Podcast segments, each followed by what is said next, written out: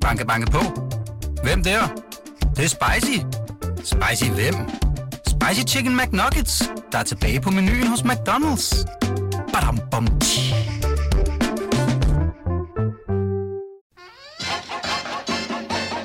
Velkommen til det, vi taler om. Din vært er Ditte Aukmann. Velkommen. Velkommen. Det gjorde Jo, det gjorde. Nej, Faktisk fad, det var nærepatter. nej, Jo, det vi er altså igennem. Nej, vi er. Jo, det er vi. Nej, jo, Det er det, vi der, er. det, der, det, det, der hedder en Velkommen. kuskner. Den er da ikke tændt, er den det? Er det det, den røde lampe betyder? Hold nu op. Velkommen tilbage til Danmarks bedste sladdermagasin. Velkommen til den kontante time, Der kuskner. som er anden time af vores vidunderlige lille sladdermagasin. I time 1, som er den kulørte, der øh, sad Jakob Hein Jensen, Jakob C. Olsen og Per Kuskner øh, med, og det gør I øh, stadigvæk. Og så har vi også fået øh, Nikolaj Vrå suset ind direkte fra pressemødet Vild med Dans, som du jo dækker. Endnu ja. Ikke er blevet spurgt, om du vil medvirke i. Nej, og det skal vi da skåne, skåne seerne for. Hvorfor det? Kunne du godt tænke dig at være med i det? Øhm, Hvorfor har du ikke meldt dig til Vild med Dans? Fordi det er jo noget, man ja. melder sig Ja, til. ja, Man ja, bliver jo ikke spurgt om... øh, Jeg kan huske, at jeg engang lavede Jeg en stor melder mig. historie om, at, øh, at, øh, at Annie Fønsby, øh, øh, at, hun, øh, at hun ikke måtte være med. Der var et eller andet med, at, øh, at TV2 de syntes, Ja. at hun var for TV2 giver kulørt. Anne den kolde skulder. Ja, det var sådan noget. Ikke? var det det? Nej, det gætter jeg. Jamen, sådan var det. Jo, jo. jo. Du skal være ja, ja. forsideredaktør. Men øhm, Annie måtte heller ikke være med i kvægeræs. Nej, det er rigtigt. Det blev også, øh, det var sådan noget i sidste øjeblik, ikke? Altså, hold kæft, det er da pisse sjovt. Undskyld. Ja, det havde det sprog. Også Vild med Dans. Ja, Hvad er der vejen med det? Annie, hun har afsonet. Ja. Done deal. Det er rigtigt. ja, altså det vil sige, der er der andre kriminelle, som vi dagligt ser i øh, medierne og i flotte stillinger rundt omkring Der i. er kriminelle, Ja. ja. som øh, givetvis inden længe kan blive ministre. Ja, det kan du. Eller tidligere kriminelle. Ja, ja, ja. Men ja, der er ja. jo, som Egon Olsen sagde, eller var det kriminalisten Jensen, der sagde, at der er tale om ulovlig kriminalitet. Ulovlig kriminalitet, Ikke? ja. Så der er jo forskel. Altså, Det er rigtigt. Nå, men altså, der er jo noget med, at Vild med. Dans, jeg tror, du skal have en eller anden lidt mere jovial profil. Øh, Jeg tror hellere, man vil have nogen med, som ingen kender, Som i år. Mm. end at have... Jamen, sådan var det jo ikke tidligere. Der var det jo vigtigt for dem, at der også var nogle sådan store navne iblandt, ikke? det er altid det er blevet mere... det er Paprika helt, Sten det er været med, og- Jejle, og det er Ja, da helt, ja. men det er da helt væk nu. mm. Nej, der er der altid nogen. Altid. Om ikke andet kender man danserne. Jo, Ja, de er jo efterhånden blevet... men jeg altså, ved godt, nærmest- at de siger jo, at det har ændret karakter, det ved du mere om, Nicolaj Meyer. Sådan jeg, som jeg forstår det, har det ændret karakter fra i starten. Der skulle man have 3-4 A-navne med, øh, for at slå programmet øh, ordentligt fast. Ikke? Men nu er det nærmest lige meget. det solgte så mange aviser for os øh, i sådan noget i, i Ja. ja. midten af, af, af 2000'erne. Hvis vi havde der var jo også nogen på forsiden kæmpe øh, dagen drama. efter Vild med Dans. Ja, ikke? men det var jo en, en periode, hvor der virkelig var drama. Ja, ja. Det, I- den i- første med- ja. sæson, Ja. den Ja. var gag-gag. Ja, Ja. det var helt Ja. bims. Der gik man jo i byen efterfølgende på Madame Arthur. ja, der lavede du en det reportage fra, kan jeg huske Ja, det. ja. Ja, der lavede jeg Det, sikkert du lavede en reportage, der hed Stangstiv på Bøssebar. Gjorde jeg Ej, det? hvem var det? Hvordan kan du huske det kan jeg huske. Hvem var det? Gav, øh, fordi den, øh, altså, det var en reportage, hvor Ditte ligesom var gået bag om Vild med Dans. Og så var hun gået i Bag om bilen, dansen. øh, på Madame Arthur. og, øh, og så... Øh, og så, var hun, så beskrev hun, hvordan, Så øh, hvordan folk de, øh, hoppede på bordene, og der ikke var nogen Det gik grænser. vildt for os, og jeg vil sige, der var mange ting, jeg ikke skrev i den reportage. Øjne i natten. Ja, og det var fordi, at det havde en karakter, øh, hvor der nok var andre, der kunne blive en lille smule kede af det, lad mig sige det sådan. Utroskab. Uh. Måske. Eller Der var sådan, altså det, det, det var i hvert fald bare... Jeg ved godt, hvad du mener. Ja, det ved du godt. Og, og der er nogle ting, man kan skrive, og der er nogle ting, man ikke kan skrive, og så prøver man at lave en reportage, så folk i hvert fald kan fornemme, hvad der foregår. Men det, det var jo som, som, som, som, altså, mm. som om, at folk var Kæmpe kommet stort. på efterskole eller sådan noget, første gang hjemmefra. Altså, Men det det- totalt Men så bananas. gik der ikke så lang tid, og så blev pressen så forment adgang Ja, det gjorde de. til Det var efterfesterne. Ditte, der ødelagde det for resten. og så måtte vi stå udenfor. Øh, og, Ja, der har Altså været- lad mig der sige det sådan. langt. Jeg kan fortælle en historie fra min tid på Se og Hør. Og jeg nævner ikke nogen navne. Men man fik, øh, og det gjorde alle andre blade formentlig også, der gik meget kraftige rygter om nogen, der dannede par. Og mm, der var måske en af dem, som allerede var i et parforhold. Og, og, og det var selvfølgelig vældig spændende. Det var jo i den grad A-navne. Altså, det svarede til mm. Barack Obama. Og, altså, det var kæmpe, kæmpe stort. Øhm, og det ser og hører, øh, gør på et tidspunkt, det er selvfølgelig øhm, at køre ud til en af adresserne og sidde og vente. Og ganske rigtigt, de besøgte hinanden i fritiden og lavede øh, formentlig også lidt andet end at danse. Problemet var lidt, at man også begyndte at tage nogle billeder, øh, hvad der foregår for eksempel på en altan og sådan noget. Og der er altså dog grænser for, hvad man må trykke og hvad man ikke må trykke. Og da det var, at... Øh, jeg var selv på Se og Hør på det tidspunkt, at øh, journalisten ringer og sagde, øh, vi kan forstå, at I er ved at danne par, da, da, da, da, da. Øh, så blev der selvfølgelig truet med bål og brand og en øh, advokat. Og, og, så, og så skriver man jo ikke sådan en historie. Altså på den måde er den danske presse altså mm. både fornuftig og rimelig. Billederne ville man aldrig kunne bruge, fordi at høre, de, de havde privat karakter. Fordi det vedkommende var så cool, så han sagde, jeg er udmærket klar over det, og det er også rigtigt nok, men det ved jeg også godt, det kan jeg ikke skrive, fordi billederne er taget på privat ejendom. Der var jo bare sådan, Ja. ja. jamen nu har du indrømt det. Jamen det har jeg jo ikke, fordi ja. I har jo ikke nogen beviser. Så, så, så, Ja, ja, ja, ja, ja. Så, ja. Det Ja, var det- faktisk I også, så- Og det var i øvrigt, Det var faktisk øh, også under vild med... Nej. det var faktisk også under vild med dans, øh, at, og det her, det var jo virkelig en kioskvasker dengang i, øh, i midten af nullerne, at Birte Kær under dansetræning Gud. Åh, ja, ja, ja, lige ja. pludselig bliver ramt øh, af en, af en blodprop, Ja. øh, og, og altså indlagt i lang tid på Ja, det Rigshospitalet. var alvorligt. ikke? det var virkelig alvorligt. Men hun- og hun, hun- ændrede jo sit liv bagefter, ikke? Øh, Kvittede smøgerne og... Præcis. Hun døde jo faktisk i ambulancen Ja. og blev genoplevet. Men det tog hende jo lang tid bagefter Mm. at erkende, at at det faktisk var noget Kan du til huske, det. dengang jeg spurgte hende om det? Øh, Jeg kan i hvert fald huske øh, hendes ansigtsudtryk. Ja, hold nu op. Mm. Ja, den var også Hvad- den var hvad hardcore. skete der? Meget, Fortæl. meget Jamen, det var svært for fordi, hende. at, Jamen, hun har øh, ikke engang været kendt over for sig selv. Nej, og, og da jeg så Hvad- hvad spørger sagde du til om, hende? om hun, altså jeg spørger hende jo så om, om, altså om hun har været død i ambulancen, ikke? Jamen, jamen altså, Ja, ja, altså, det er øh, bare vildt. Ja, jamen, jeg, øh, på en Jo, men eller det anden er måde, så så en del af troede en jeg jo, samtale. Ja. at, ja, altså det er en del af en samtale. Jeg troede jo også, at som Nicolaj siger, hun var bevidst om det. Det vidste, vidste hun det ikke? Ja, ja, det ved jeg ikke. Jo, men, men Hun har ikke det tror jeg, over men det. det har, det har altså virkelig været livsomvæltende, Mhm. mm-hmm. det her for Birte Kær. Og en ting, det er, at du bl- bliver fysisk rask og kommer videre. Men det mentale, der, der, Mhm. der var et enormt efterslæb, og der har hun jo også været åben om Ja. siden jo.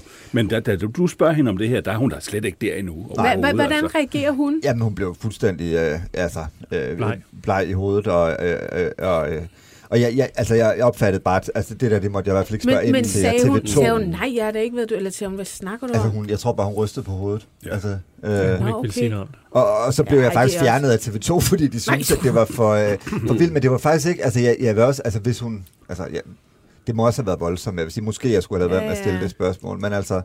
Øh, Nej, jeg synes, det var meget relevant. Det er jo fordi det- altså, det er jo prime time, og man ser, altså, og man ved det jo, ja. hvad der sker. ikke? Jamen, hvor Så- vidste man fra, hun har været død, hvis ikke hun selv har fortalt det? Jamen, det har hun da sikkert fået at vide af, af lærerne efter. Nej, jeg ved, hvor vidste pressen ja, det det, fra? det kan Nej, men ikke- det skal, det skal du vide med en produktion som, øh, som Vild med Dans, og det er slet ikke en kritik overhovedet, tværtimod.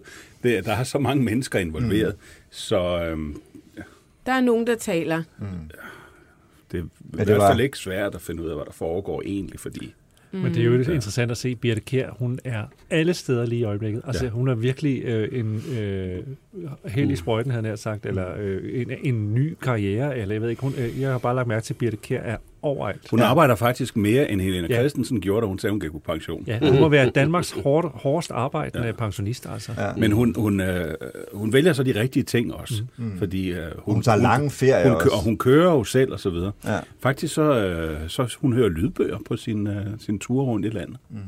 Men hun er jo også, altså er det ikke rigtigt, Nicolaj, at hun også, altså så tager de der lange pauser, for Ja. eksempel, når hun er færdig med er på alt op til øh, jul eller et eller andet, så holder hun bare fri hele Ja. januar og skrider et eller andet dejligt varmt sted hen. Ja. Ligesom Uffe Pilgaard gjorde, ikke? Han tog til Karibien med sin gitte i et Det er sådan, han havde Det er derfor, han han blev brunere end mig, Jacob Ja, ja. Hvad, skete der noget sjovt på pressemødet? Hvem Altså, er med? Hvem, Prøv lige at fortælle mig. Ja, for jeg, jeg er du faktisk... spørger på den der måde, så bliver jeg jo sådan helt... Ja, hvem, hvem er med? Vi ved ikke det. huske. Kasper Philipsen er med. Start med, Kasper Philipsen. Og han er skuespiller. Ja, det var ham, der blev kendt Hold for op med at det der med være... øh, En af C-navn. gangen, Der findes en ikke af nogen C-navn eller B-navn. Der findes A-navn og resten, ikke? Af, en af gangen. Øh, vi kan starte med den nye vært. Yes, ja, ham skal vi vide noget om. Han ser lidt fræk ud. Martin Johannes Larsen hedder han. Ja. Var det dig, der sagde det, kusk? Nå, det var, jeg tænkte også. Det, Nej, det var Jakob Sten Ja, ja, Olsen, der synes, øh, det ser frækt ud. Som Han er, er komiker og fra Fyn. Boede lidt i Aarhus, boede lidt i København. Man kan heldigvis stadigvæk høre, at han er fra Fyn. Øh, sød og sjov. Og øh, klikker fantastisk med Sara Grønevald. Okay, godt. Så hvad hedder det? øh, Det, det skal nok blive skægt. og når man finder sådan en vært, så forestiller jeg mig, at man nok kaster nogle forskellige netop sammen med Sara, så man også får en fornemmelse af, hvor er hun henne Mm. i alt det her, fordi han kan være nok så dejlig, men hvis Ja. de to ikke har nogen kemi, så er det jo pisselig gyldigt. Og det har de.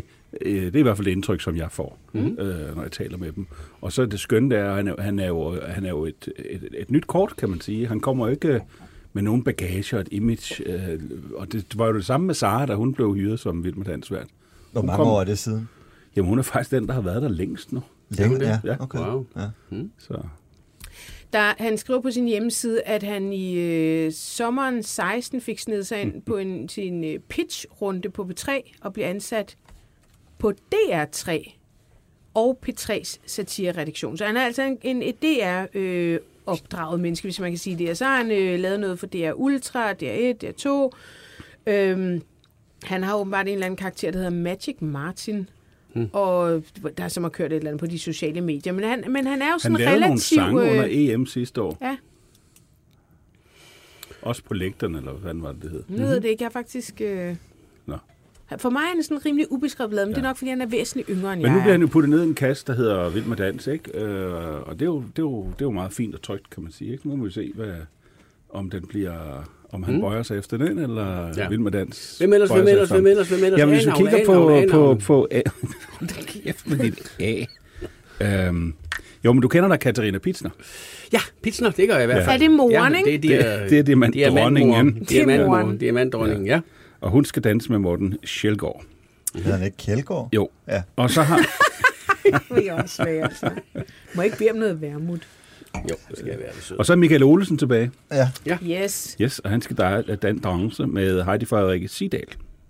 fra TV2. TV2. ja. Og hun er TV2. sød. Oh, ja. Og så blev der sagt uh, Cecilia Smeichel lidt tidligere, og hun danser med en, et spritnyt ansigt. Claudia Mhm. mm. Rixes gamle dansepartner. Damien Okay. Sarnicki. Er, der er vi over i noget østeuropæisk, eller hvad? Navnet er i hvert fald. Ja, ja, ja. ja. ja. Og øh, hun, skal have, hun vil gerne have et barn, har jeg læst. Mhm. Hun vil gerne have et barn med sin kæreste. Og så har vi Asta Bjørk, der har vundet. Hun skal danse med Daniel øh, Wagner, Hvem er det? en paratlet fra Aarhus. Okay. Har lidt sjovt, Hvad fordi- betyder det, at han er handicappet? Altså, Ja, handicap. han, han har øh, Det protese, det ikke. han Det hedder mangler ben. funktionsnedsættelse. Ja. Gør det det? Ja, det det er Er rigtigt. det rigtigt? Hvor- Nå, så beklager jeg. Ja. Er det en med funktionsnedsættelse? Altså, han, han fungerede, fungerede fuldstændig. Nå, normalt. men, men hvad, hvorfor er Hedder han så det? par... Øh, Noget af det, Men han har, mangler, han, han har protese. Nå, okay, okay. ja, ja. Ja. Okay, fint. Øhm, jamen, det er måske også forkert, at jeg nævner danserne først. Men, Ja, gider du ikke det? Lad være med det. Jeg er ligeglad med danserne. Ja, de er der bare altid. Det er det jo altid. ja, men Andrea Lykke skal også være med. Og hvem er hun? Nu holder du op. Jeg aner ikke, hvem hun er. Hun spillede Whitney i Bodyguard Nå, Musical. ja, hende der, ja. Jamen, jeg ser ikke musicals. Og Du hun, burde øh, vide det, ja, Jeg var Jacob. derinde og se den der Sanne Ej, Salomonsen. du godeste. Ja. Det var den mest syrede oplevelse. Mig og Chris Pedersen. Hold nu kæft.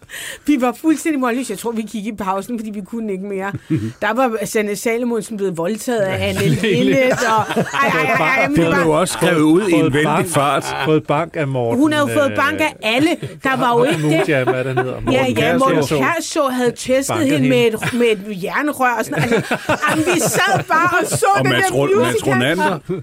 Jamen, var alle, alkoholiseret. alle var nogle øh, øh, kæmpe svin over for Sanne Selmer, og hun sad jo selv i salen. Det var sådan en, øh, en øh, gala-premiere, og jeg sad sådan og kiggede, men Det hun var da sad ikke jo... over hendes liv, vel? Det var da Jeg Jo, tror- jo, jeg- det var jeg- det da. ikke? Ja, ja. Nej, prøv at høre. Der er siddet nogle, øh, nogle, jeg har lyst til at sige dårlige journalister, men nogen, der har siddet og sagt, Nå, Sanne, hvor blev du født? Og så startede de ved dag 0, og, start, og slutter, da hun er øh, 68 år, eller hvor gammel hun er. Og så prøver de at mase det hele ind på to timer. De kunne slet ikke vinkle noget, og alt, hvad der var med, var bare som om, at folk omkring hende havde været nogle dumme svin.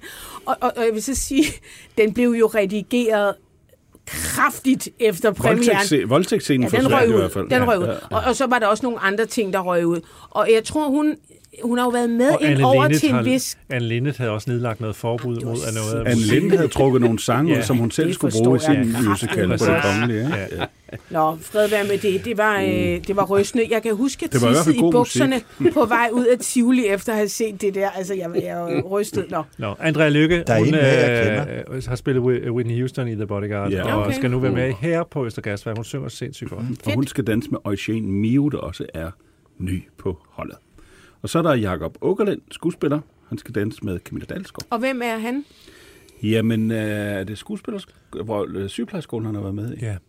Prøv at jeg har ikke dækket vild med dans i 12 år måske. Er Camilla Dalsgaard i familie med, familie med Sofie? Yes. Ja, godt. Og hun er danser, eller er hun Ja, kendt? hun dansede med Jacob Havgaard okay. sidste år. Mm-hmm.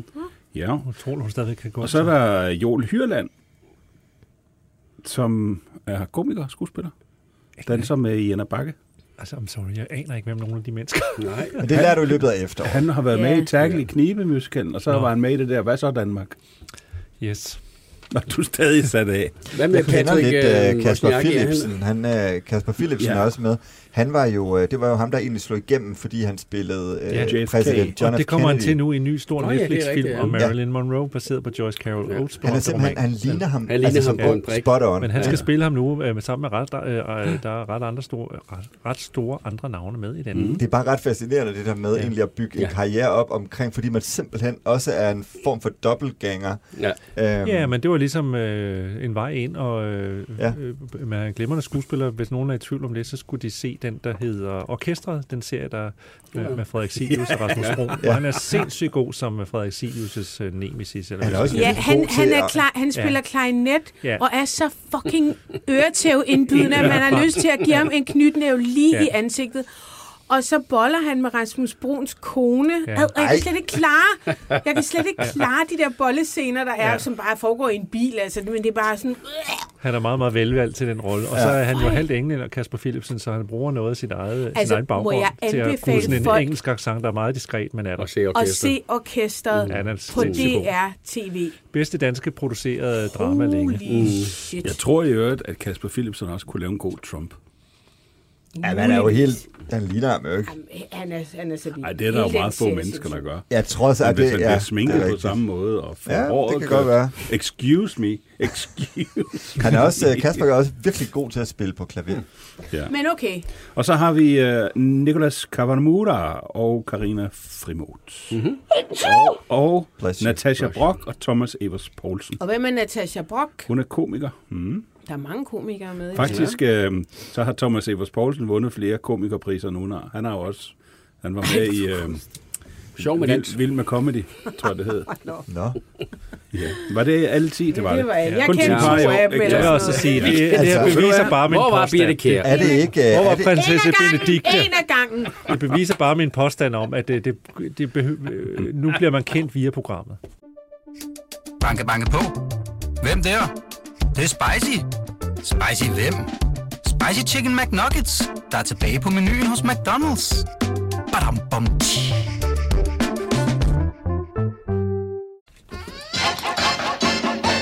Du lytter til det, vi taler om.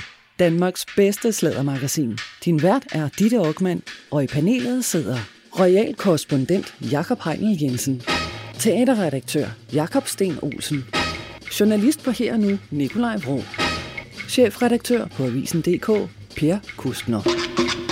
Hvis du vil sladre med, kan du besøge BT's eller det, vi taler oms Facebook-side, eller sende en sms på 42 42 03 21. Start din sms med BT. Men kommer du med nogle nyheder, eller gemmer du dem til bladet? Altså, øh, jeg vil sige, at øh, det har været et af de mest udramatiske pressemøder i Vild med Dans, jeg, har- jeg har været til. Nogle gange har det været sådan en minefelt med, med nogen, man skulle passe en lille bit små mul på. Man vidste ikke, om de var sure. Øh, altså over noget, du havde skrevet? Ja, eller noget, man ikke havde skrevet. Eller hvad Men der er er. der- Men det, det kendte mennesker kan meget være meget svært at Men der er jo gennemskue også en ny, øh, nyt på dommerfonden, ikke? fordi Silas Holst fik jo ikke sit store ønske opfyldt om at blive dommer. Øh, Efter Brit. Sonny Freddy Petersen er den nye dommer. Mm. Mm. Og det var egentlig derfor, at vi i pausen hørte et nummer med Sonny og Shishi. Ikke Sonny brother, Cher. brother and Sister, og det var det der nummer, der hedder Wish.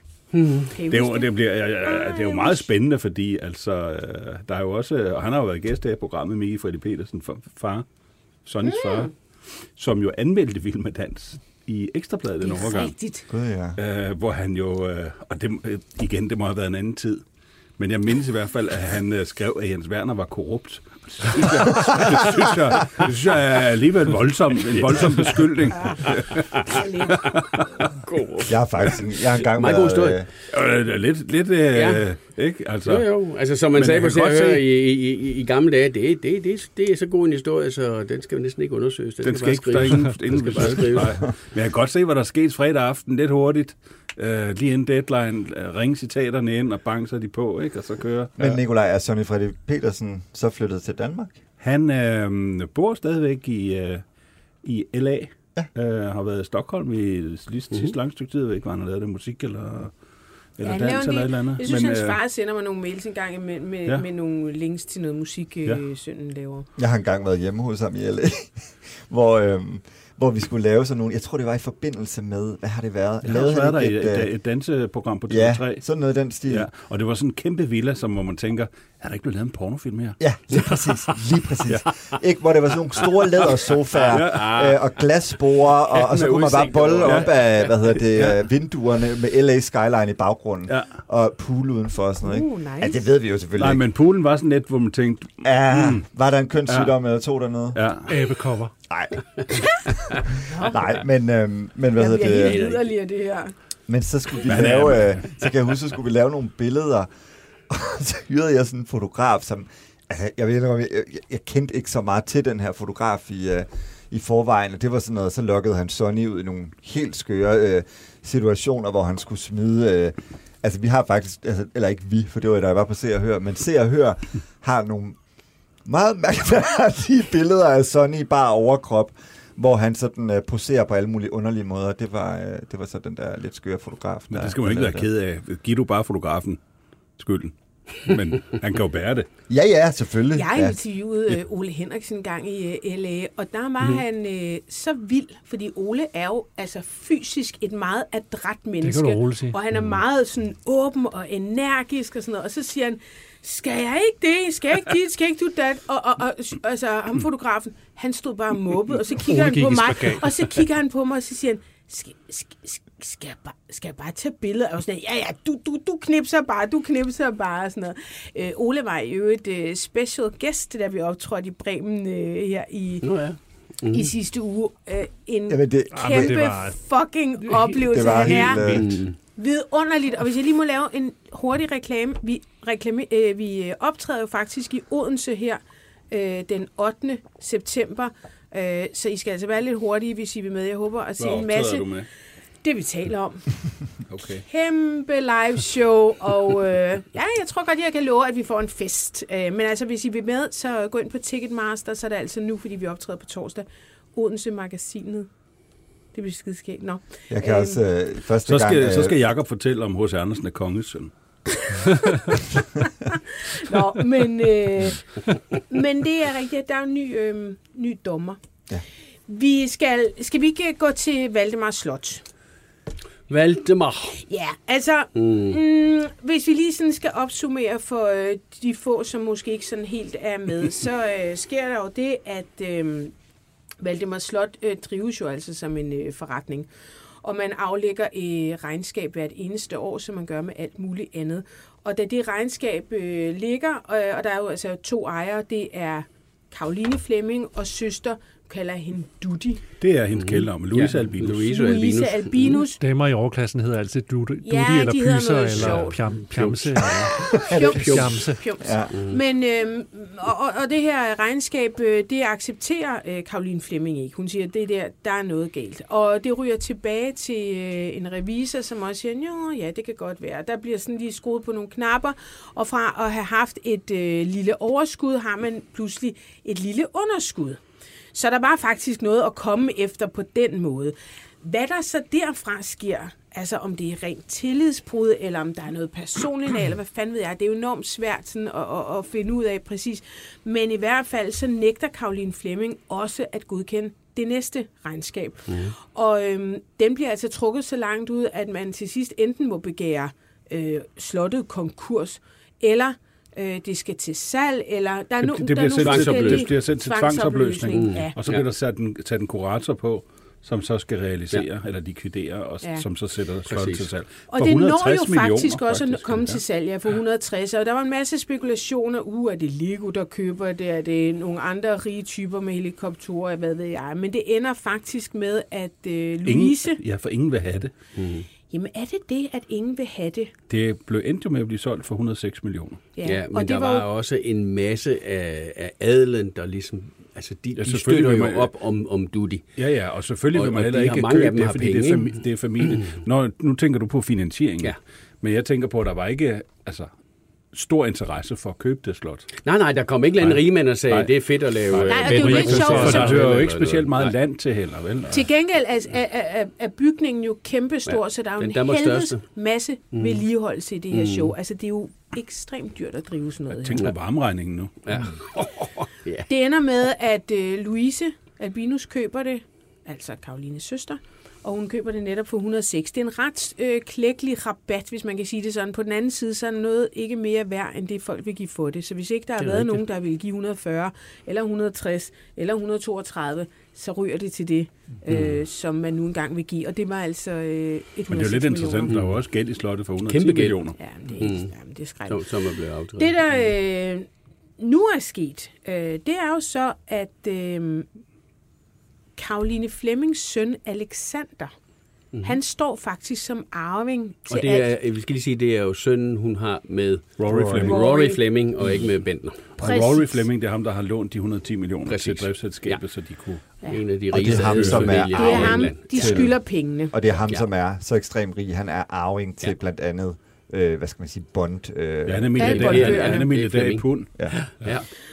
Gamle Øhm, bankpenge. Det, der er sådan Ja. ja. lidt øh, nederen ved det her, det er jo så, at, øh, at Karoline Flemming er begyndt at sætte nogle effekter til salg. Nej, det er faktisk sønnen, der sælger det, for det er ham, der Ja, ejer det er jo det. ham, der ejer det, det ham, er rigtigt. ejer Hvor det, gammel ja. er Han han 18. egentlig? Han er 18. Han er en knæk på 18, ikke? Ja, ja. ja. Men øh, jeg har været inde på Brun Rasmussens øh, hjemmeside og kigge på de her effekter. Der er 91 styks. Og har I været inde og kigge på dem? Ja. Ja. Ja. Jeg har også Ja. lagt dem ud på vores Facebook-side. Mm. Der, Der er mange af dem, jeg gerne vil have. Jamen, der er faktisk en del af det, jeg Ja. virkelig godt gad have. Der er blandt andet en øh, lys, en glaslyskrone. Der er Øhm, to. Det er meget sjældent faktisk, at der er lysekroner Ja. i, øh, i sæt. Ja, og der er også to senge i sæt, jeg virkelig godt gad have. Men De Rejsesenge. koster altså mellem 10 og 15.000 Ja, det er kroner. rejsesenge. Det er Ja, rejsesenge. nej, nej, nej, det er vurderingen. Ja, ja. Det er det. vurderingen, ja. Så hvad Ja, ja, det er rigtigt. Det kan komme til at koste meget mere. De kan Jeg også, håber, kan at den kommer til at koste tre, fordi så køber jeg en rejseseng betrukket med rød silkebrokade, øh, prydet med imiteret strussefjer. Jeg kan lige se mine børn ligge der, men det er faktisk nogle ret store senge. De er 115 cm brede, og de er faktisk 2,20 lange. Madrassen er måske kun to noget, men, men de er, det Det er er, langt en relativt tid, stor... De ser øh, ulækre ud. Det ligner, der er, Synes du? ja, jeg synes, det ligner, der er øh, sengemider i og sådan noget. Nej, men de er nok blevet renset. Jeg eller- tror, at Ditte, når jeg ser de der senge, så tror jeg, at der bliver sat sådan nogle... Jeg ser, at du får sat sådan nogle store kæppe i, og så kan du blive båret rundt i byen på de der Præcis. af nogle meget Men, og jeg tænkte også, Ja, rejseseng, nukker. det er jo kun, hvis du får fat i flyttefolk. Øh, ja. Fordi det er jo ikke sådan en klap sammen ting, Jeg der synes bare jo, det- lige... Det mest interessante, synes jeg jo, er det dyreste. Ja. Det er Eggersberg. Det er Eggersbergs ja. maleri fra, øh, fra herreværelset, og det, når man tænker på Eggersberg, så tænker man jo tit på ja, sådan en klassisk... Guldalder. Ja, guldalder. Og det er jo faktisk ikke maleri, det er det er- åbenbart ja, det ja, en et lille Ja, skrin. en lille fin skridt. Ja. skridt. Ja. Det er, Der, noget, det er se et lille, en, et lille, et lille øh, skrin, som herrerne kunne på kigge det. på, når de Ja. skulle Et sove. pornoskrin. Ja, Og så det er faktisk åbner et du det. pornoskrin. Er det så ikke inde i? Jo, så er det malet. Hør lige her, vi har fået fat på øh, Kasper Nielsen, fedt. øh, som arbejder for Brun Rasmussen. Du er med på en telefon. Det er Håber jeg. jeg. Hej, velkommen. Tusind tak, Hej. fordi øh, du skal vil være med. Vi er meget optaget af det her skrin, som altså er vurderet til mellem 600 og 800.000 kroner. Kan du ikke lige prøve at fortælle, hvad er det for net? Jamen altså, jeg kan, jeg kan sagtens forstå, at I er interesseret i det skrin. Øh, og det, man skal huske på her, det er, at kunstneren er jo øh, den danske malerkunsts fader. Vi har Christoffer Wilhelm Eggersberg, der jo ligesom er eksponenten for den danske guldalder, og for ligesom at, at, at lave al undervisningen på Kunstakademiet om. Og han er jo kendt for en, en meget øh, spiselig øh, kunst for alle. Og så har han altså lige lavet sådan, øh, prydet sådan en lille æske her med noget, der så absolut ikke lige nødvendigvis var det, der var tiltænkt alle, men... Øh, men herrene, herrene alene her. Ja, hvis vi skal beskrive det, så er det jo en nøgen dame, der er ved at blive Bestiget. erobret, bestiget af en, af en mand. Sådan noget lignende. Ja, En meget irrigeret det er mand. meget erotisk, kan man godt sige. Det kan man godt. Ja. ja. med, med et pænt ord. Og, Altså- det, og det er øh, vanvittigt usædvanligt, øh, og især fra, fra hans hånd. Så det, øh, det er en absolut sjældenhed, øh, og helt, helt sikkert også noget, vi både håber på og tror på, bliver et øh, trækplaster på, på auktionen. Hvor- hvor- Hvordan kan man øh, prissætte sådan et øh, sådan en e- effekt, eller hvad skal vi kalde det, sådan et Jamen altså, grundlæggende er der utrolig mange øh, parametre, der, der ligger til grund for vores auktionsvurderinger, og det er jo noget med, hvem kunstneren er, hvad er ophavet, hvor betydningsfuld er den pågældende kunstner, hvordan er kunstneren efterspurgt nationalt som internationalt, hvad er det præcis for et kunstværk, der er lavet, hvordan ligger det på kvalitetsskalaen af, af kunst, øh, øh kunstnerens samlede øver, og så videre, og så videre. Og jo, jo flere lag, der kommer på, øh, øh, hvor vi kan se, at der er tale om noget helt særligt, jamen så skal jeg ærligt indrømme, jo sværere er det også at prissætte det. Fordi når det kommer til stykket, så handel med kunst, det er, en, en, det er noget, der også er meget passionsdrevet. Så når det kommer til stykket, hvor langt folk i virkeligheden er villige til at gå i en salgssituation, det ved vi aldrig helt med sikkerhed. Og lige præcis et skrin som det her, det, det, det kan altså godt øh, ende med at stikke af. Har du en, øh, et tip til vores øh, lyttere, hvis man vil gøre sig et godt køb? Øh, og nu, nu leger vi bare, at, at, at vi alle sammen har virkelig mange penge.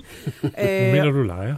og, og, og, men, men, men, men, men, men hvad, hvor- hvor tænker du, det her, det er faktisk, øh, det vil jeg selv investere i, det kunne godt blive noget særligt, eller det er noget særligt? Jamen, men, men det er jo uhyre svært at give det råd, fordi i min optik og i vores optik, så er det hele noget særligt. Men det, man måske skal hæfte sig ved, det er, at det, vi sælger her, det I kan se på vores hjemmeside lige nu, det er jo 91 emner, kunstgenstande, kunsthåndværk, møbler med mere, som er fra øverste hylde, og derfor også gennemsnitligt ligger til en meget høj pris, og derfor nok er de færre for ondt. Men man skal byde mærke i, at øh, øh, ugen efter om mandagen, der udbyder vi godt 250 emner, også fra Valdemar Slot på en netauktion, hvor gennemsnitsprisen er noget lavere, hvorfor at der er en væsentlig større sandsynlighed for, at, at øh, mere almindelige mennesker med almindelige indkomster, de også kan lege med her og købe sig en, en del af historiens vingesus for Valdemar Slot. Per Kuskner? ja, jeg, Kasper, jeg skal lige spørge, altså, når man sådan et estimeret øh, et auktionshus, så skal man jo være fuldstændig 100% sikker på, at, at, at, at det, man sælger, det er eller Ja. for kunden, at, at, at det er murenal, at det her, det, det kan man tage hjem i privaten. Men, men allerede nu synes jeg, der har været lidt, lidt snak om, at der kan være noget danefæs-agtigt med, at det skal øh, bevares nede på, på, på Valdemar Slot. Hvad, hvad, hvad, hvad, hvad siger I til det? Jamen, men, men der skal man jo være klar over, det er nok der, hvor der jo er rigtig mange helt forståelige følelser i spil på sociale medier med mere, hvor folk de begynder at tænke, overskriften er, at økonomiske interesser har ribbet øh, slottet fra A til Z og sælger ud til højst bydende basta bum. Og det er faktisk ikke tilfældet. Udgangspunktet er, at den øverste øh, øh, øh, centrale myndighed på området, og det er jo staten, der står for det, det er det, der hedder Kulturværdiudvalget. Og de har med fredningslov og kulturarvslov i ryggen, der har de kigget på, hvad er, du siger selv ordet, nalfast til Valdemar Slot, hvad er eventuelt også umistelig kulturarv, som skal forblive på Valdemar Slot. Det er allerede sket. Der er adskillige meget kostbare og smukke ting, der er på slottet.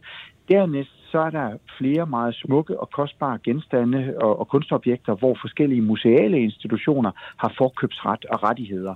De er i øjeblikket deponeret andre steder, hvor at, at statslige instanser skal træffe beslutninger omkring, hvad der skal ske med dem. Og til sidst med den private ejendomsret i lommen, så har vores sælger jo valgt at sætte de her ting, der er tilbage til salg. Og det salg igen monitoreres endnu en gang af det danske kulturværdiudvalg, der kigger på, er der så noget, der godt må sælges i, øh, i fri handel, og der også godt må ende på private hænder, men eventuelt ikke må forlade landets grænser.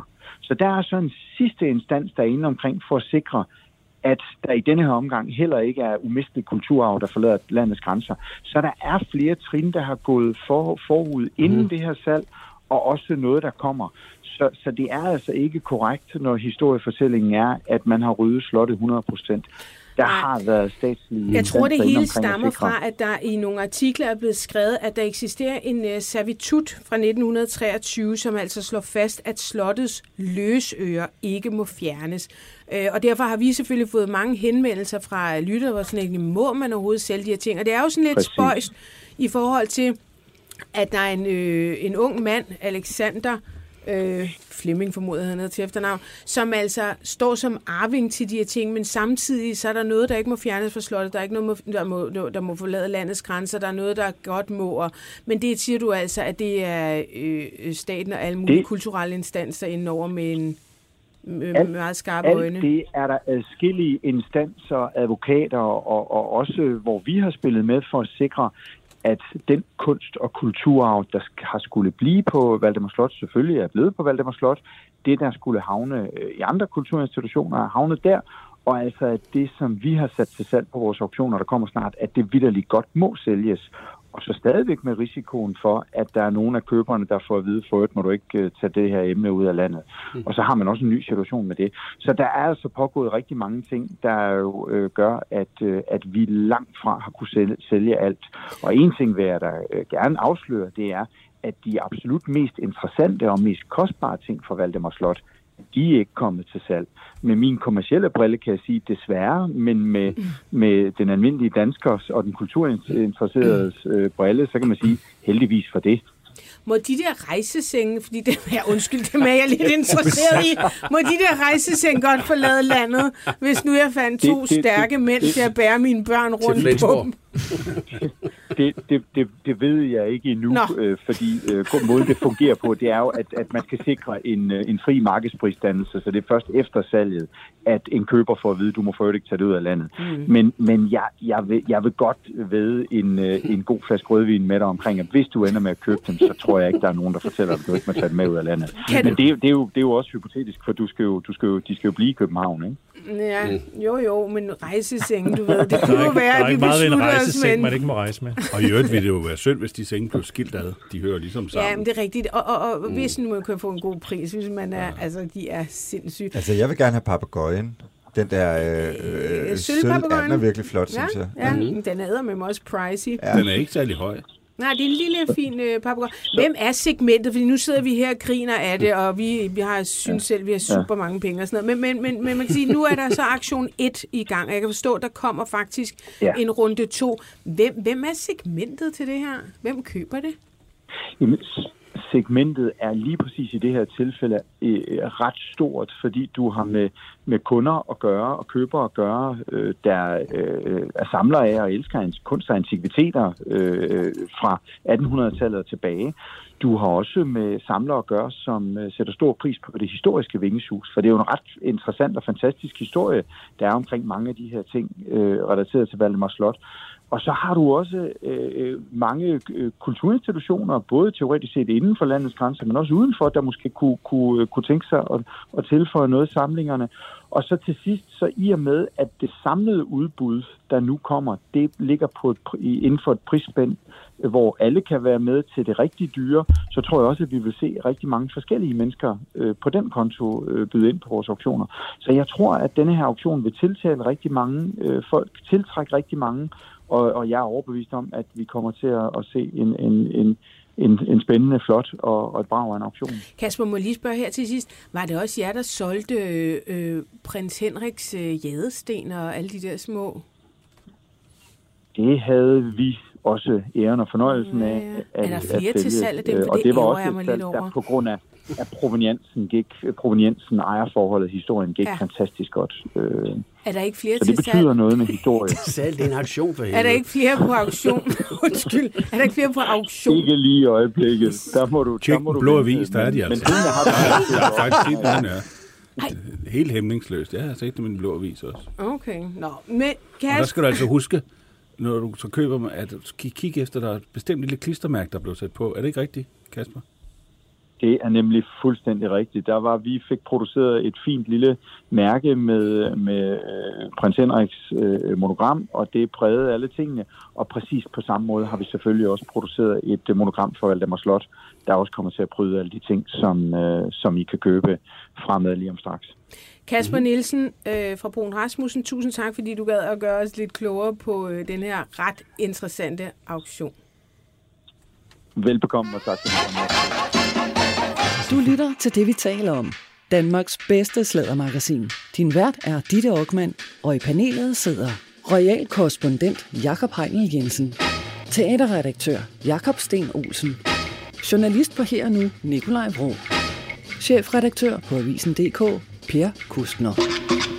Hvis du vil sladre med, kan du besøge BT's eller det, vi taler oms Facebook-side, eller sende en sms på 42 42 03 21.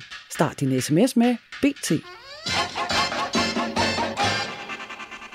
Nikolaj, hmm. Nikolaj korrekser mig øh, rimeligt nok her. Altså, det er jo ikke sådan, at Alexander Flemming er arving. Han er jo ejer af det, det. for han har allerede Ja. arvet det. Det er fuldstændig det er hans rigtigt. ret at sælge det. Spørgsmålet Han er, har- om det også er hans moralske ret. Jeg synes jo, det er skamligt, det der foregår. Det virker som om en øh, rige menneskers øh, hævn øh, fordi øh, over øh, øh, søster Dutti. Øh, jeg har været på Valdemar Slot. Jeg kan huske nogle af de ting, øh, som har haft en helt afgørende og central placering. Det kan godt være, at der er værdifulde genstande tilbage, som Kasper Nielsen, som i øvrigt bare passer sit arbejde. Jeg bebrejder ikke dem noget, at de sælger det. Øh, men for eksempel den der erotiske Eggersberg, vi talte om, øh, er, øh, er en af sådan hovedstenene i, i deres øh, øh, ja, deres samling, og, og noget, man slog sig op på, og, og tiltrak publikum. Øh, det er også en sjov og kurio, kur, kuriøs ting. Ikke? Øh, og, og det er væk nu. Øh, Øh, så øh, når man ser på øh, altså mængden af genstande, Karl van Manders berømte maleri af Christian 4 og sådan noget, altså det er ikke små ting. Det kan godt være, at der stadigvæk er øh, øh, et, et enkelt toilet og en vandhane tilbage, øh, men der, det, det er jo en massiv tømning af det slot. Øh, og vi kan høre så oven i købet nu, at øh, der kommer mange flere genstande på mandag. Øh, så øh, Som jeg, synes, det er det, begrædeligt. 250. Jeg synes, det er begrædeligt. Jeg synes, det er synd for Valmar Slot. Jeg synes også, det er synd for Dutti, som på en eller anden måde får i hvert fald stukket en ordentlig kæppe i hjulet i forhold til at kunne åbne slottet for offentligheden igen og gøre det til en turistattraktion. Jamen, og hvordan skal det blive det, hvis der ikke er nogen ting at kigge Nej. på? Mm, så Nej. er det bare en tom skal, ikke? Præcis. Og så det er ikke, ja, øh, nu hørte vi Kasper Nielsen her fra Brun Rasmussen, han, øh, jamen det er hans arbejde at sælge det, og selvfølgelig takker de ikke nej til det. Men jeg synes, der er et moralsk regnskab, som ikke falder ud til øh, Karoline Flemming og hendes søns fordel i den her strid. Ditte, der er desværre ikke nogen øh, af prins Henrik jæder til Jeg har- salg på den blå avis. Jeg har fundet det. Det, det var et andet Nå, sted. Det var en antikvitetsbutik, jeg har set det. Nå, Nå. men Sender sådan en vil jeg gerne have. Ja, men skal da have. Jeg samler jo på kunst. Men hvad koster En den? jadedildo fra Prins det- Henrik sammen. Ja, hvorfor ikke? Der Nå, er, men Får en til 4.500? der er også en til 2800. Bakken. Ja, 1800 er der, det er øringen. Egyptiske altså sådan perleøring. nogle penisøringe. Jeg har ikke hul af- jeg har ikke hul af ørerne. Ho, ho, Ho, ho, som man Nå, jo som siger. man siger. Øhm, du sender mig lige et link, øh, fordi Ja, for jeg er interesseret i de der jade. Du skal også have penge til sengene. Husk nu, rejsesengene. Jo, jo, men altså... Jonas og jeg, vi forhandlede jo løn, inden han øh, rejste fra BT, så Monika kan finde en- penge jo. til det. Er det, er det sådan med blindskov-aftale? Prinsesse Diana. Ja. Det var May she rest 25 in år. Nu øh, har vi Ja. talt om, at øh, Mm. Jakob Hein Jensen har jo startet en øh, podcast her på Ja. BT, som hedder Kongehuset bag kulissen. Mm. Vi skal altså ikke holde os for fine til at tale øh, om øh, prinsesse Diana, som... Nej, det var i onsdag. for- Jeg skal lige, for fem- 25 år præcis, Ja. øh, i onsdag. Jeg skal lige spørge her, fordi det kommer jeg til at tænke, tænke på. Kan I huske, hvor I var? Ja, Da Okay. hun døde? Ja da. Må jeg høre? i hvert fald, hvor jeg fik, fandt ud af det. Jeg stod i en kælder hos min gamle kæreste, Sten. Vi var hjemme hos hans mor i Holte. Var nede i kælderen. Jeg tror, jeg vågnede Mm. faktisk. Ja, det var tidligere om Jeg morgenen. vågnede fik om morgenen, Mm. og så fik jeg at vide, at prinsesse Diana er død. Og jeg kan simpelthen nærmest huske, hvordan rummet var indrettet i den kælder. Det kan man nemlig med de der oplevelser. det er Øh, ret vildt. Jeg var i Aarhus og boede hos min ven øh, Jens. Jeg skulle dække noget i Aarhus Festuge, tror jeg. Og så øh, hørte jeg i morgenradioavisen der tidligere morgen kl. 7 eller sådan noget. Og jeg for ud, og han var, havde låst sig inde på badeværelset og var ved at børste tænder. Og jeg stod og bankede på døren, og, og, fordi det var jo helt ufatteligt. Prinsesse Diana er død, Mm. prinsesse Diana er død. Mm. Mm. Jeg var vågnet efter en... Øh, jeg har været Kæmpe i byen med bytur. Øh, ja, det er rigtigt. Øh, I første G med mine gymnasievenner. Og så står min mormor øh, oppe på øh, oppe ad trappen og råber, prinsessen er død. Og jeg sådan kommer ud og Ja. får søvn ud af øjnene, og så kommer op, og så, øh, og så, øh, og så siger hun, det var da frygteligt, mormor. Og så kigger hun på mig og siger, jamen hvad skal prinserne så gøre? Og så bryder hun sammen. Nå, ej. Nå, Så står hun og græder. Og det er jo helt underligt, ikke? Ja. det hele. men det- men det havde hun er jo ret i. Og Ja. det var, de var så små, ikke? Hvor Det var havde hun Ja. ret i. Jamen, jeg havde også været i byen, og det var en, øh, det var en, en, øh, det var en fin august søndig Ja, det var morgen. Ja, det var Ja, det. Den varmeste Øh, august i ja, og- historien nærmest. Altså, sad og fik noget morgenmad tændt for radioavisen, for at, vi taler om 1997, der var ikke rigtig andre Der var, måder. ikke, der var ikke breaking på Nej, telefonen. det var der ikke, så der hørte man radioavisen. Mm. Men og der der, kom der jo- var den uh, hovedhistorie der klokken 5 om morgenen. Ja, ja. Jeg tror, jeg vækkede alle, jeg havde telefonnummer på. Ja. ja Fordi jeg var så chokeret. Men det var faktisk også første gang chokeret, i, i mit liv, hvor jeg oplevede det der, fordi man kan, sige, jeg var for ung, da Berlinmuren faldt. Hvad med John Lennon? ja, det var jeg slet ikke. Men første gang, hvor man mærker det her med, at den her Ja. dag kan man Ja. huske for evigt. Ja, ja. Ligesom den Det er 11. rigtigt. september. Og, Kennedy. Og det kunne man, fordi det var så monumentalt jo, at, at, at, at det skete, øh, fordi det var jo så chokerende. Også fordi det var sådan en kvinde fyldt Og det var liv. en kvinde, øh, som, som man alle så op til, og som, som man jo egentlig elskede, fordi hun var kommet så helt ud af den her øh, Og hun det virkede jo ægteskab. folkelig. Altså, eller man havde en, en eller anden form for kærlighed til hende, Ja. eller I hvert Det fald var en også fordi- følte sig knyttet til Ja, i hende. hvert fald en- en, det var. øh, Men det var jo også, fordi hun Jo. gjorde nogle helt Hun nye ting, ting, i, i og- kongehuset. Ikke? Hun, Ja. det var, hun var jo den første, der gik ud og, Præcis. og rydde landminer og tog Ja, AIDS-patienter ja, ja. op og på gerne vil være skødet, og- ambassadør. Og alle de der ting, som, som Mary Ja. og Marie i princippet i dag Ja. gør, ikke? Men hun var den første, så det virkede enormt ægte. Når Hun gjorde var ikke den første til at bruge medierne, men hun var den første til at bruge massemedierne på den måde, som, øh, Ja, det er som hun gjorde. Hun er jo nok verdens Så var der så det problem, at man ikke, Men- hun ikke kunne, øh, kunne slukke for det igen, da hun først havde Ja. fået tændt. Ja, ja, det er ikke rigtigt. Ja, det kunne man ikke. Men, men, men jeg har så lige valgt at kigge lidt ind på, fordi at der skete jo det her med, at, at lige da det skete, der var det jo paparazzi. Det var jo deres skyld. Mm. Og, og, og, og jeg var jo på Se og Hør, så, så vores daværende chefredaktør Niels Schmidt, han gik ud med det samme og sagde, vi vil aldrig nogensinde bruge paparazzi-billeder Gud, ja. Øh, på Se og Hør mere, fordi det, det lå ligesom, at det var nærmest Se og Hør, der havde slået hende Der ihjel. skulle ikke? bringes et offer. Så, så, så det var damage control, ikke?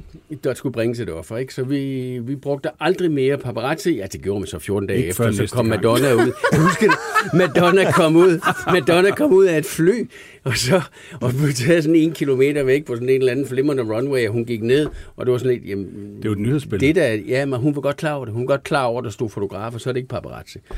Så, så der var sådan forskellige undskyldninger. Men, men så blev de så frikendt, fordi i 2008 kom den her meget, meget dyre kommission. Og det gjorde de faktisk. Men, men, men 40 millioner kroner dyre øh, Ja, men- undersøgelse, hvor, hvor de vendte hver en sten og hver øh, cylinder i den her Mercedes, for at sige, hvad var det egentlig, der var sket. Og der var det så et uagtsomt manddrab af, af, af Henry Paul, som kørte øh, bilen i for høj fart med med, med, med, med promille. a- antidepressiv Ja, han havde medicin fået noget og prescription promille. medicine. Lige præcis. Og var han også fuld, ikke? Jo, jo, Jo, han jo, var skidefuld, høj, mega øh, fuld. en høj Han var både fuld og... og Men det var og han bemærkelsesværdigt, at, at promillen var så høj, så han burde have været synligt beruset. Ja, og det var han ikke, da han gik ud. Men Fordi det er jo, fordi han har taget det penicillin, eller ikke Ja. penicillin, undskyld. Det medicin. antidepressiv, ja, ja. Og det ved man ikke. Og det er det, jeg vil komme ind på, fordi der var jo lige pludselig, og det er der jo stadigvæk, der er jo det her med konspirationen. Hvad var det egentlig?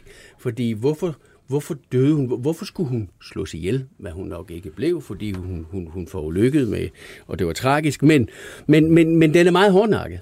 Og, og, og, og der bliver ved med at blive- båret ved til det der konspirationsbål. Øh, blandt andet så er det jo en, en Fiat Uno, som, som, som blev ligesom ramt af den her Mercedes, og man har ikke kunne finde den lige siden. Og man kan sige, det er måske den mest eftersøgte bil i verdenshistorien. Man har ikke kunne finde den skide Fiat Som han, som, som han så angiveligt rammer. Som han tunnelen. rammer ind i ved, det er tunnelen. sådan en, fordi at der er noget lak.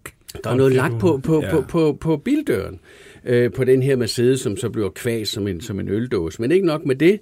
Når man, der er så vidner, der har set den her Fiat Uno køre ud af, af, af tunnelen med en, en, en, en, en mørk, korthåret mand siddende og kiggende i bagspejlet, og ved siden af ham, der var en hund med et, øh, hvad hedder det, øh, hvad hedder det, når de ikke må bide, hvad hedder det, et... Øh, Ja, men sådan en, øh, et, et, et Ja, net eller jeg har lyst sådan til at noget. sige maske, men den har sådan ja, en... Øh, den har sådan en øh, mundkur. Mundkur. En mundkur på. Og, den, og hunden er en corgi. Nej, det er det så.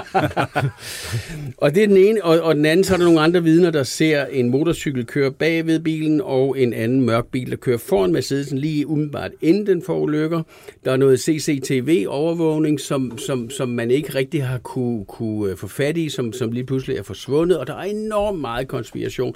Den sidste, øh, jeg hørte her, det var, at den her Mercedes her, som, som var fuldstændig kvæst og så videre, øh, der var en, foregik en brand på et varehus, hvor den var, men den blev ikke brændt, men den dør, hvor, hvor lakken var, den blev brændt af en eller anden mærkelig grund, så den findes ikke mere. Og ham der, der ejer Mercedesen, som er en limousiner af Paris, han har flere gange til det øh, parisiske politi sagt, jamen kan vi ikke godt få lov til at få den her bil hjem, fordi jeg vil gerne udstille den. Han vil sikkert gerne sælge Åh, ja. Jeg vil gerne sælge den. Der er der er jo nogen, den. der er jo nogen, øh.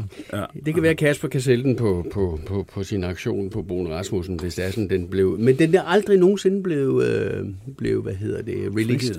Nej, og, øh, og det er jo også lidt mærkeligt, ikke? At, at den, den blev ved med at, at, at blive holdt hen, og man ved ikke rigtig, om den findes eller ej. Og en af de sidste her, det er jo så også, at, at hvorfor skulle hun dø? Jamen det var jo fordi, at hun var gravid med Dodie.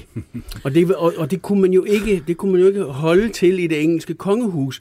At, at, Det var Dodi Al-Fayeds teori, ikke? At, at, Ja. at man ikke Mohammed, kunne... Altså, Mohammed, faren, ja, ja, for Dodie han døde. Ja. Så Mohammed, han, han, han, han mente, Mohammed at, at, at, Aya øh, de, de skulle annoncere deres forlovelse dagen efter, og, og hun i øvrigt var gravid, og derfor så skulle hun slås ihjel, og det var i øvrigt det engelske MI6, så det er jo selvfølgelig noget sludder. Men det er meget spændende. Han det brugte mange også- penge på det. Det Altså, var bruger også på det. det var også sært, at hun skulle forloves med Dodi, al den stund, at hun brugte Dodi til at gøre ekskæresten Hasnat Khan jaloux med. Men det er jo, der er jo ikke noget usædvanligt i, at der- der er alle de her konspirationer, fordi man kan jo ikke have, at en uh, så stor profil Nej. som Diana dør i en simpel trafikulykke. Der, det skal være Der mystisk. skal være noget det skal Og, og, og vi ja. talte jo faktisk om for ganske kort tid siden, at der nu er dukket en, øh, jeg har lyst til at sige en post-it op, men, men der er jo mm. dukket en note op, Ja. Øh, hvor Diana. hvor Diana åbenbart selv har forudset, Sin jeg død. kommer til at dø i en trafikulykke, som er arrangeret af det Ja. britiske kongehus. Det her, det er noget, hun siger, så vidt jeg husker, i 42 hun dør. 96, Ja, det er to og så er hun det dør til sin 95, advokat. og hun tror, at hun dør, øh, hun vil blive slået ihjel i 96. Det sker så, sker det er så det først med i til- 97. Men, Men, men, det, det med der til den, med, at til der- den historie, der hører, også, der hører også, at hun på det her tidspunkt jo er blevet løjet over for, Ja, ja, hun er for BBC. Og Martin oven i, Bashir, og, ja. oven i det skal vi også lige huske at sige, hun lider altså også af øh, bulimi. Og med det kommer paranoia. Så altså, det, det, det, må Det kan der i hvert fald Ja, øh, følge. Ja. Så der er selvfølgelig alle mulige nu også teorier om, hvorfor forudser hun sin egen øh, død? Mm. Er det noget bims oven i hovedet? Det kan man jo med sin normal hjerne sige, det, det var det nok. Men ikke desto mindre, så er der altså et notat, mm. som hendes advokat ja. har øh, Og han- og- og han gav det videre. Han gav det ja, han videre. gav det videre Mm. til undersøgelseskommissionen. Og der er jo ikke nogen, som der kunne bevise noget af alt det her indtil videre. Men det, hvis man er konspirationsteoretiker, Ja, ja. så siger man jo så, nej, hvad sagde vi? Hvad sagde vi? Men det er jo ikke Altså, sidder jo anderledes, det er jo ikke anderledes end for eksempel, altså, altså det kan vi også huske efter den 11. september, ikke? Der er jo også en million konspirationer, mm. hvordan de tårne kunne. Altså det sker jo med sådan nogle verdensbegivenheder, så sker Ja. ja. det jo det Det er jo ligesom med. Marilyn Monroe's død, en anden Ja. ja. smuk kvinde, der døde i utide, ikke? Mm. Øh, og med en ulykkelig skæbne. Øh, den er man heller ikke færdig med, den historie. Nu kommer der en stor Ja. ja. Netflix-film, som mm. også tager det op igen. Hvorfor Mm. mm. døde hun? Blev hun myrdet? Begik hun Ja. ja. selvmord? Hvad skete der? Mm. Vi bliver ikke færdige med den historie. Hun fascinerer på tværs af årtier. Mm. Mm. Jeg mangler bare én ting til den her historie, og det er, at Megan går ind i den og får, finder ud af, hvordan var der egentlig op og ned. Mega- Du lytter til det, vi taler om. Danmarks bedste slædermagasin. Din vært er Ditte Aukmann, og i panelet sidder royal korrespondent Jakob Heinel Jensen, teaterredaktør Jakob Sten Olsen, journalist på Her Nu Nikolaj Vrå, chefredaktør på Avisen.dk Per Kustner. Hvis du vil sladre med, kan du besøge BT's eller det, vi taler oms Facebook-side, eller sende en sms på 42 42 03 21. Start din sms med BT.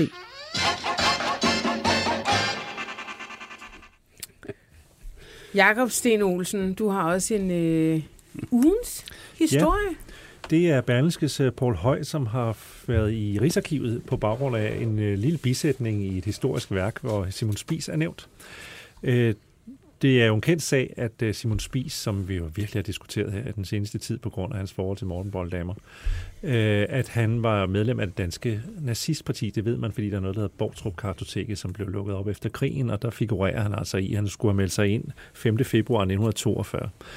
Øh, men Simon Spies, jeg kan huske, at jeg så en tv-udsendelse med ham øh, en gang for mange, mange år siden, da han stadigvæk var i live, hvor han netop blev forholdt det her med, at han havde været medlem af Nazipartiet og hvor han så sagde øh, sådan noget som, herre Gud, findes der, der ikke nogen tilgivelse i det her land? Altså han slog sin øh, medlem af det her nazistparti sådan hen, og som en ungdommelig fjollethed, kan man sige, og man er ikke så klog, når man er ung, og i øvrigt så var der også en praktisk foranstaltning, har han også turneret med, fordi han gerne ville have et job i Østrig.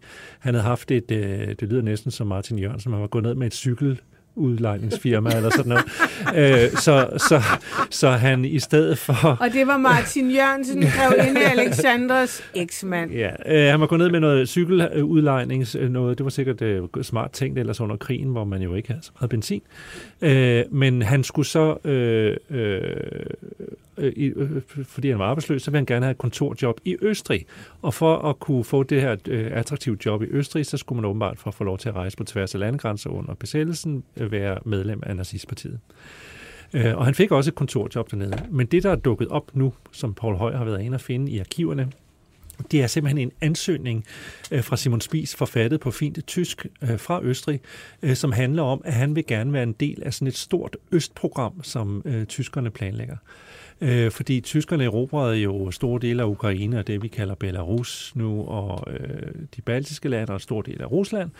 Øh, og tanken var simpelthen, at 30 millioner der skulle enten slås ihjel eller sultes øh, ihjel øh, og erstattes med ejer. Altså de slaviske mennesker skulle ud, og så skulle tyskere, eller øh, også gerne nogle danskere, nogle hollændere, nogle nordmænd, øh, folk med lys, øh, lyst hår og blå øjne, skulle ind og erstatte dem. Altså det var det, man øh, kaldte østrummet. Altså det, ty- tyskerne havde jo et princip om lebensraum, altså mere plads til den ariske race på bekostning af andre. Og der, mere plads? Det, det meldte Simon Spies sig simpelthen til. Øh, og han gør også opmærksom på i sin ansøgning, og derfor begynder man måske sådan lidt at overveje, om Simon Spises øh, tilknytning til nazipartiet var faktisk mere ideologisk, end han selv har givet udtryk for.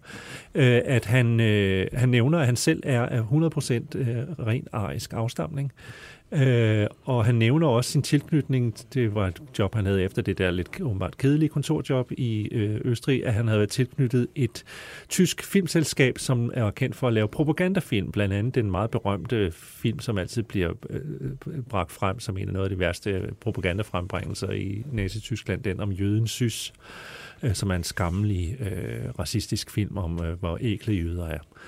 Øh, så det, det fremhæver, fremhæver han det job, øh, han øh, og det mener man også, eller det kan man i hvert fald tolke sådan, det der er historikere, der gør, som, jamen det er jo også en måde at sige på, ja, nu skal vi høre her, jeg har virkelig mine nazipapirer i orden, ikke? Mm.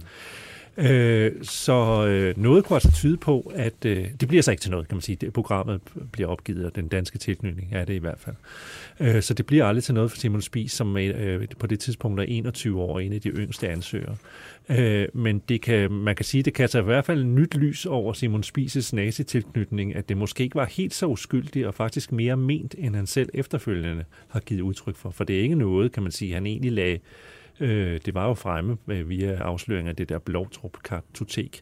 Øh, så det var fremme, men det var noget, han i hvert fald altid, mens han levede, var i stand til at slå hen som en ungdommelig øh, grille øh, og en ungdommelig dumhed, kan man sige.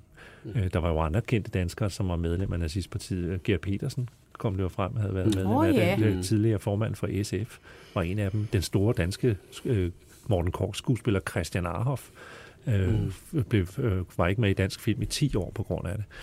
Øh, men, øh, der er så... også mange kongehuse, som har været tæt knyttet. Ja, ja. Ikke fordi de som sådan måske var medlem, men man skulle jo holde sig Hertugen gode venner Windsor. med de skide mm. Hertugen af Windsor øh, ja. og øh, hertugen af Windsor, ja. altså den tidligere Edvard den 8. Og, og, og den kone, han giftede sig med for der... at, at afskrive sig tronen for, øh, havde stærke tilknytninger til Nazi-Tyskland. Og der var jo faktisk lige frem, altså det er også en konspirationsteori, skal man lige huske at sige, øh, altså sådan en, en, en plan om, mm. at han så skulle indsættes som nazi-konge ja. i uh, Storbritannien ja. efter uh, Det tror jeg var nogle ret, uh, nogle ret vidt beskrevne planer, faktisk. Mm. Nå, men det er bare for at sige, at... Hvad med det danske kongehus? Mm, Nej, nej, det, nej, det, det jeg Gustav tror vi den har nogenlunde, øh, men Gustav den 5., den, ja, øh, som er Dronning dronningens far. far øh, øh, der er diskussion i hvert fald om, hvor, hvor, hvor, vidt, øh, hvor, altså, hvor fascineret han egentlig var af Hitler. Ikke? Han lod da i hvert fald nazisterne køre tog gennem øh, Sverige, så de Ja, kunne slås i Nord-Norge. ikke? Nu er svenskerne ved at opgive deres neutralitetspolitik, fordi de er bange for Putin, men øh, deres... Det er det også det Ja, det er da mest på tide. ækle. Hvem fanden kan forholde... Altså, det, det der med sådan... Jamen, jeg er bare neutral. Ja, det er Hvad det, jeg mener. fanden Den, er det for noget? Den svenske neutralitetspolitik Nej, er jo... Føj. Ja, Ved du hvad, det synes jeg er så røvulækkert. Ja. Men- Vi, vi kan være uenige, men du kan simpelthen ikke sige, at Nej. du er neutral. Det er simpelthen for klamt at bare sidde og være tilskuer til alt, alt de altså, systematiske massemord, der sker rundt omkring. Nej, vi er bare neutrale. Åh, det kan godt være, at vi tjener lidt penge på at øvrigt at lave våben, vi sælger til jer, men vi er bare neutrale. Jeg synes, at den svenske politik er så fucking ulækker, når det kommer til den neutralitet. Nej, men jeg kan slet ikke have det. Men, jeg- har de kunne blive enige om at Føj. ansøge om at blive meldt ind i Ja, NATO? eller? de er, de har, der ligger en ansøgning, og, og der har lige været nogle knaster med Tyrkiet. og Lige sådan før noget. jeg havde Det sagt med. nej til at have lukket Nå, men det er bare for at sige, at Simon Spies er endnu en uh, kilde til fascina- fascination på tværs af årtierne, uh, og mm. i den her uge kom der altså nyt om Simon Spies. Endnu en gang noget, som måske ikke er til den gamle formands uh, fordel. Har, øh, har I forsøgt at få en øh, kommentar? Fra Øh, eller, ikke i den eller ikke fra Janni egentlig. Nej, ikke i den. Øh, Det er jo hende, der er, Ja, ja, man det- skal i forhold til boet, Øh, ikke? Eller ikke ja, boet, øh, hvad hedder det, det var i hvert fald ikke en del af Paul Højs øh, udmærkede okay. artikel der, øh, men øh, Janni blev bedt om at forholde sig til den dokumentar om øh, morgenbolddamerne. Ja. Ja. vil ikke sige noget. Øh, og vil klogt nok jo ikke sige ja. Ja. noget. Og, og det er jo også lidt svært at sige, øh, hvad, altså, hvad Ja, fanden jeg skal hun vidste næsten det sige? hele, men Ja. jeg var bare Hvad 17 skal, år gammel. hvad skal hun sige? Jeg tror, hun har ventet på, øh, altså prøvet ligesom at se an, okay, hvor stor bliver den her storm, og allerede nu er den jo lig ved at, ved- at lægge sig. Hvorfor skulle hun så gå ind i den nu? Ikke?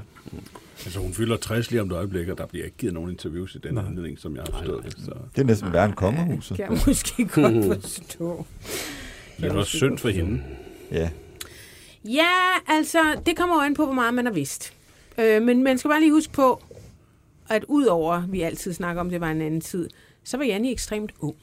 Hun var 17 år, eller sådan noget, da hun blev... Og det, på den måde, så kan man jo ikke holde hende ansvarlig for noget som helst. Derfor synes jeg nu ikke, at der er noget galt i at gå ud og udtale sig om, øh, at det her synes jeg er røvklamt, og det tager jeg afstand fra. Eller man, man, øh, Det er hvordan svært, man nu formulerer det jo når man er svært, fordi det vil jo også blive ramt, det, kan- det kan meget nemt ramme hende, Ja, fordi det folk kan vil det sige, jamen se hvad du har fået ud af det, ikke? Golddigger, og så kører hele det der, ikke?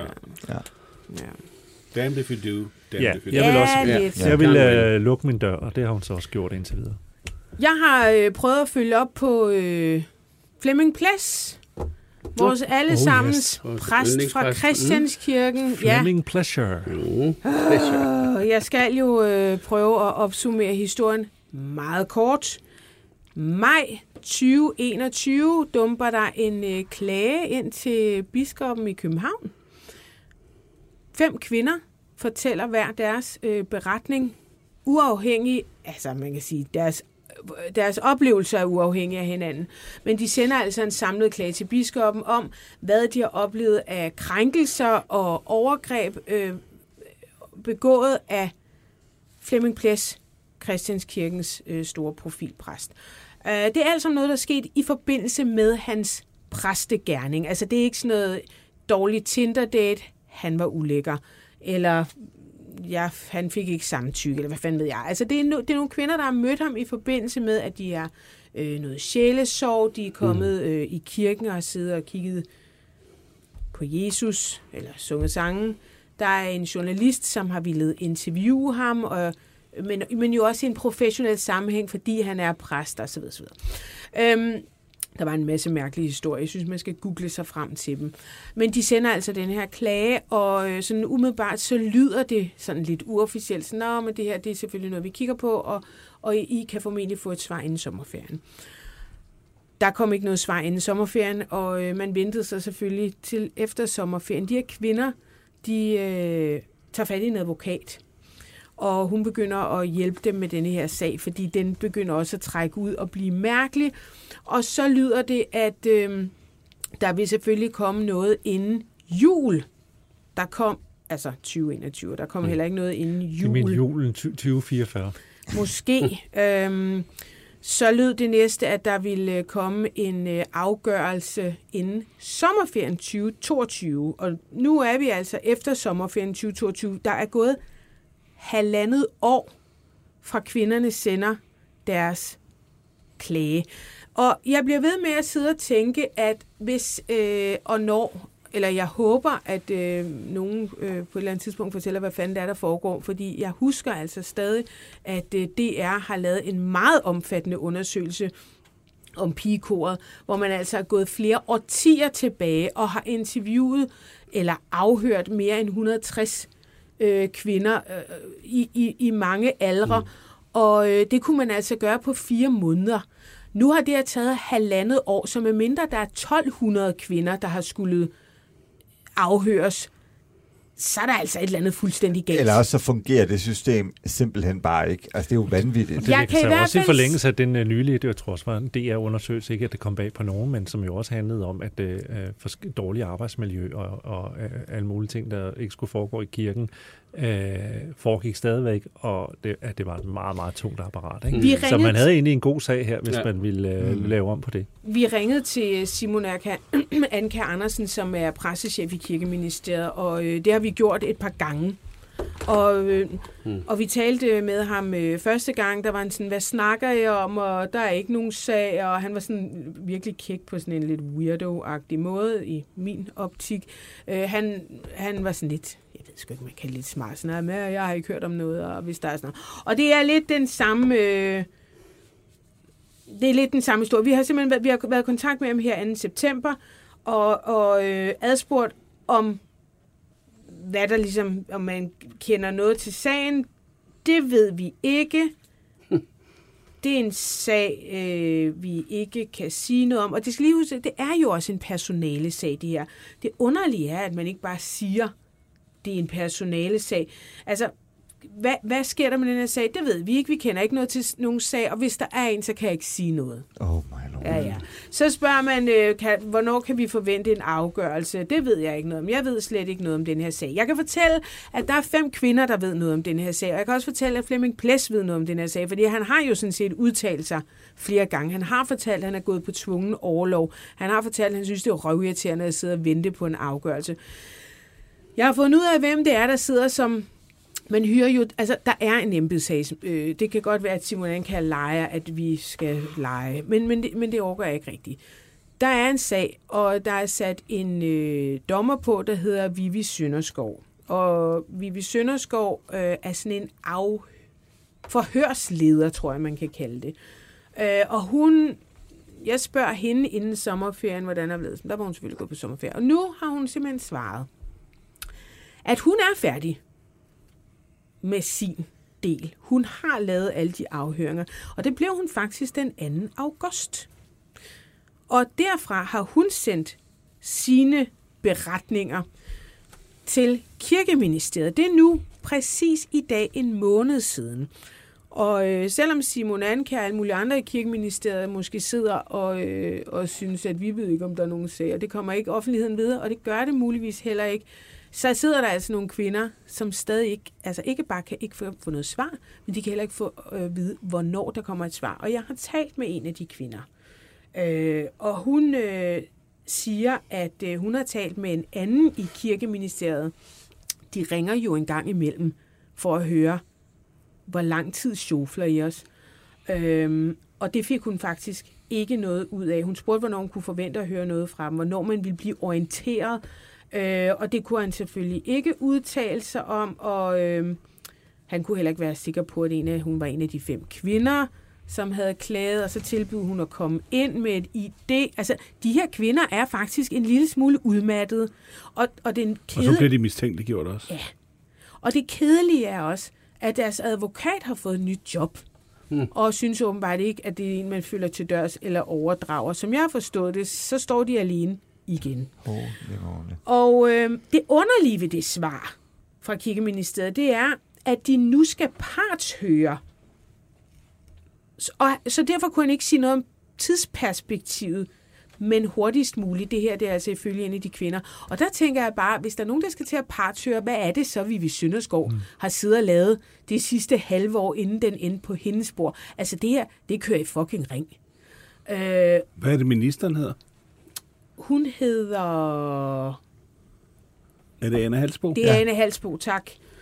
Øhm, de er trætte af det, og de har givet udtryk for, at de synes, det er uacceptabelt. Og øh, hun siger til mig, en af de her kvinder, jeg ønsker, at det her på et eller andet politisk øh, niveau, at der kommer et lovforslag om håndtering af sådan nogle sager, samt mm. hvor lang tid en proces er rimelig at skulle være. Mm. Øh, og jeg kan faktisk godt forstå hende. Men altså, nu skal en Halsbo så ud i noget valgkamp nu, ikke? men hun kan da ikke være tjent med at være minister for et ministerie, der behandler folk på den her måde. Jeg forstår det ikke. Altså det eneste, jeg sidder og tænker, det er, at vi ved, at Flemming Ples er socialdemokrat. Så det giver dem endnu dårligere kort på hånden. Mm. Man sidder jo og tænker, hvor gode venner er man? Øh, hist og pist er der nogen, der holder øh, hånden over ham. Og det er slet ikke sikkert, der er. Men det er jo klart, at man ikke kan lade være med at sidde og tænke, hvad fanden er det, der foregår? Hvorfor skal en relativ, tror vi, simpel sag, som jeg har hørt det, så er der kommet nogle enkelte kvinder til. Men der er jo ikke kommet tusind kvinder til. Altså, jeg, jeg kunne jo arrangere to Roskilde Festivaler på egen hånd, mm. mens der ikke er sket en mm. skid i den her sag. Og, og jeg, jeg må sige, biskoppen, der kan være, at, at han har syltet nogle ting. Nu sidder ministeriet, der har været noget ferie, og vi, vi skulle på ferie, alle skal på ferie. Altså, det her, det er, det er langt... Øh, øh, tag al ferie væk, det er langt ud over grænsen, hvad, hvad jeg synes, man kan tillade sig. Men også fordi, i sidste ende må det jo ende med, at enten Flemming Ples er købt eller solgt. Så selvom de siger, ja. sagen ikke, øh, hvad hedder det, er, er, Nå, hvis han er, er uskyldig, vores... hvis man ender med at sige stakkels Flemming, så har han også siddet alle, i halvandet år. Ja, ja men, men uanset hvad, så bliver for, så, i at men, få, men, øh, men, men sagen bliver jo også offentlig i det øjeblik, at der kommer en afgørelse på Flemming Ples. Så det kan godt ja, være, at de kan sige person... Hvis altså, du går ind det... på hans hjemmeside nu, eller ikke hans, Christians Kirkens hjemmeside, der står der, at han er gået på overlov. Han har selv været ude at udtale, at han er gået på tvungen overlov. Mm. Han synes, det er fucking mm. nederen. Og han ved godt, at de der øh, klæder ligger. Han har udtalt sig til Se og Høre, har han givet et længere interview. Får man løn Det virker bims. Ja, det gør man. Ja, det gør man nok. Hvis den er mm. tvungen, gør man nok, ja. ja. Altså, så vil jeg da som skatteyder sige, at øh, i øjeblikket har vi en præst, som bare sidder og triller tommelfingre. Mm. Mega det, øh, jeg, jeg kommer ikke til at slippe denne her sag i hvert fald. Mm. Nej, men nu har vi da noget, fået noget at spørge en halsbo om. Hun dukker der op sammen med de kongelige til næsten. Ja, men lad os da gøre det. Andet, lad os da gøre det. Mm. Ja. Indtil da vil jeg sige tusind tak, Per Kuskner, mm. fordi du var med, Jakob Sten Olsen, Nikolaj Brå og Jakob Heinl Jensen. Tak fordi I var med, og tak til Kasper Nielsen fra uh, Brun Rasmussen, som uh, kunne mm. fortælle en masse uh, om effekterne fra Valdemar Slot. Jeg vil også gerne sige tak til Josefine Hansen og til Sara Bæk, mm. som hjalp med at producere og afvikle. Og tusind tak til lytterne. I skal huske, I kan altid kigge med på bt.dk, hvis uh, I vil se kl. 14 på... Uh, ja, hjemmesiden, og ellers så altid på øh, podcast. Vi lyttes i hvert fald ved igen på næste fredag. Banke, banke på. Hvem der? Det, det er spicy. Spicy hvem? Spicy Chicken McNuggets, der er tilbage på menuen hos McDonald's. Badum, bom, tji.